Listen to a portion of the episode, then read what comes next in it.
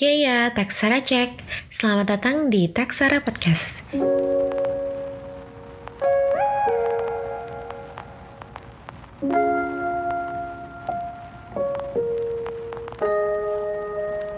Bagi kalian yang baru bergabung, Taksara Podcast merupakan sebuah podcast yang berisi mengenai ulasan buku, pembacaan puisi para anggota Taksara, dan obrolan mengenai literasi.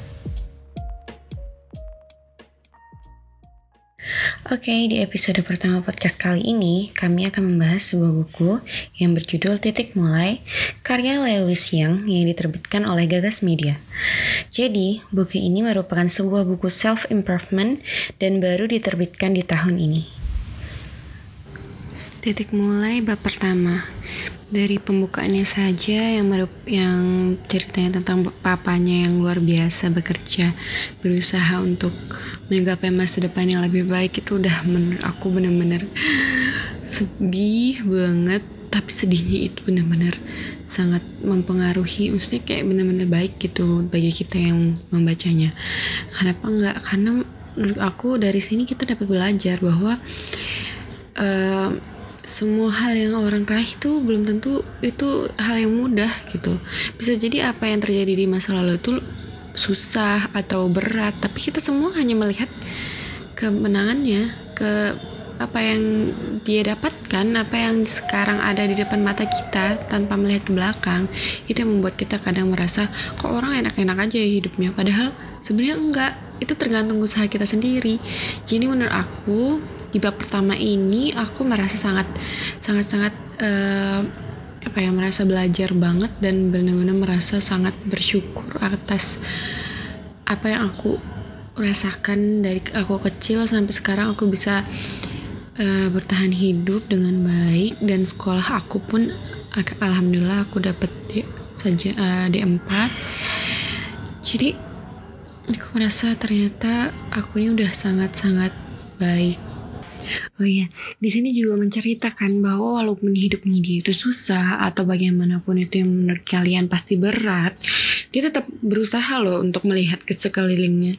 Kalau misalnya memang ada hal yang tidak baik atau mungkin dari sosialisasi sosialisasi yang berperi, apa yang berperilaku tidak baik bagi dia, dia akan berusaha untuk merubah hal itu gitu.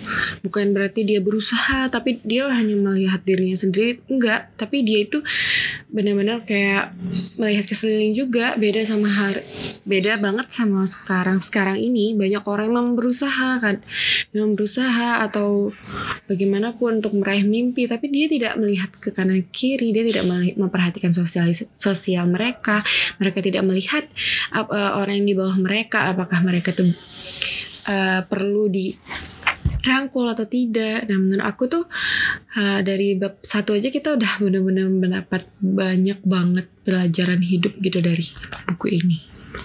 Walaupun ini masih di bab satu, tapi aku merasa novel ini tuh sangat-sangat membuat apa ya kayak benar-benar membuat diri kita tuh kayak terkesan dan membuat kita kayak mikir oh iya benar gitu. Uh, dari suatu sisi ini dari bab, eh, bab satu ini yang part kedua ini aku merasa bahwa apa yang kita di, ber, diberi apa yang telah diberikan ke kita sebaik apa pun itu kita harusnya bersyukur bukan bersyukur untuk apa ya udah gitu melaksanakan ini dengan baik bukan. Tapi kita harus juga mikir kalau kita kehilangan hal itu apa yang harus kita lakukan? Jadi kita itu yang membuat kita jadi benar-benar kayak benar-benar menghargai gitu. Bukan bukan cuma bersyukur tapi juga menghargai Oke, okay, di bab kedua, di part pertama, aku dari suguhin dari suatu ilustrasi dirinya, diri penulis, dalam melaksanakan sebuah kehidupan masa kecilnya, masa remajanya yang ada di sekolah. Dan di situ dia diajarkan bahwa apa menanam bibit dari kecil itu lebih mudah diketahui besarnya akan menjadi apa atau maksudnya ya setidaknya pelajaran dari orang tua tuh bener-bener ditekankan saat kecil. Karena saat kecil lah kita bisa uh, apa ber, terbiasa gitu mengerjakan apa yang sebenarnya baik dan memahami apa yang sebenarnya menjadi baik di masa depan. Kalau kita boleh kalau dari kecil aja kita udah nggak diajarin hal yang baik tidak diajarkan apa yang benar itu nanti pas dewasanya atau besarnya malah kita akan menjadi orang yang tidak baik dan tidak benar bahkan merugikan orang lain Sekian dari podcast ulasan kami. Terima kasih karena telah mendengarkan Taksara. Bye.